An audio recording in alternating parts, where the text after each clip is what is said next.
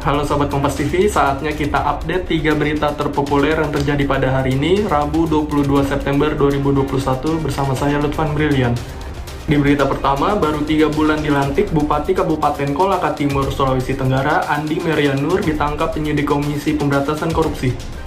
Bupati Kolaka Timur Andi Merianur dilantik pada 14 Juni 2021 oleh Gubernur Sulawesi Tenggara Ali Mazi. Sebelum terpilih sebagai Bupati Kolaka Timur, Andi Merianur menjabat sebagai Wakil Bupati Kolaka Timur berpasangan dengan almarhum Samsul Bahari Majid pada Pilkada 2020 di Kabupaten Kolaka Timur. PLT Jubir KPK Ali Fikri menjelaskan pada selasa malam, tim KPK berhasil menangkap beberapa pihak dalam kegiatan tangkap tangan terkait dugaan tindak pidana korupsi di wilayah Kabupaten Kolaka Timur, Sulawesi Tenggara. KPK akan menjelaskan dalam waktu 1 kali 24 jam untuk menentukan tersangka dan kronologi kegiatan OTT tersebut. Setelah sempat dihebohkan dengan kemunculan kerajaan fiktif Sunda Empire, klaim seorang warga yang mengaku sebagai keturunan raja kembali muncul.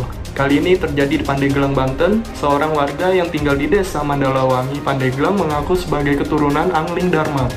Beginilah suasana rumah seorang warga yang mengaku sebagai pemilik kerajaan Angling Dharma di Pandeglang, Banten. Di tempat tinggalnya yang berlokasi di Desa Pandat, Kecamatan Mandalawangi, Kabupaten Pandeglang, pria tersebut dijuluki sebagai Baginda Sultan Iskandar Jamaluddin Firdaus. Ia mengklaim memiliki keturunan dari berbagai kerajaan dan kesultanan di Indonesia.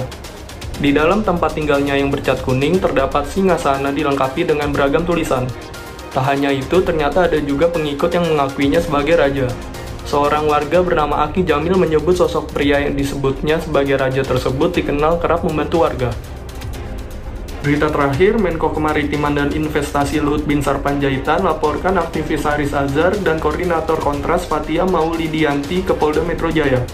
Keduanya dilaporkan atas dugaan pencemaran nama baik. Laporan ini dilakukan oleh Luhut Binsar Panjaitan secara pidana maupun perdata. Dalam laporannya, Luhut dan tim kuasa hukumnya membawa beberapa barang bukti.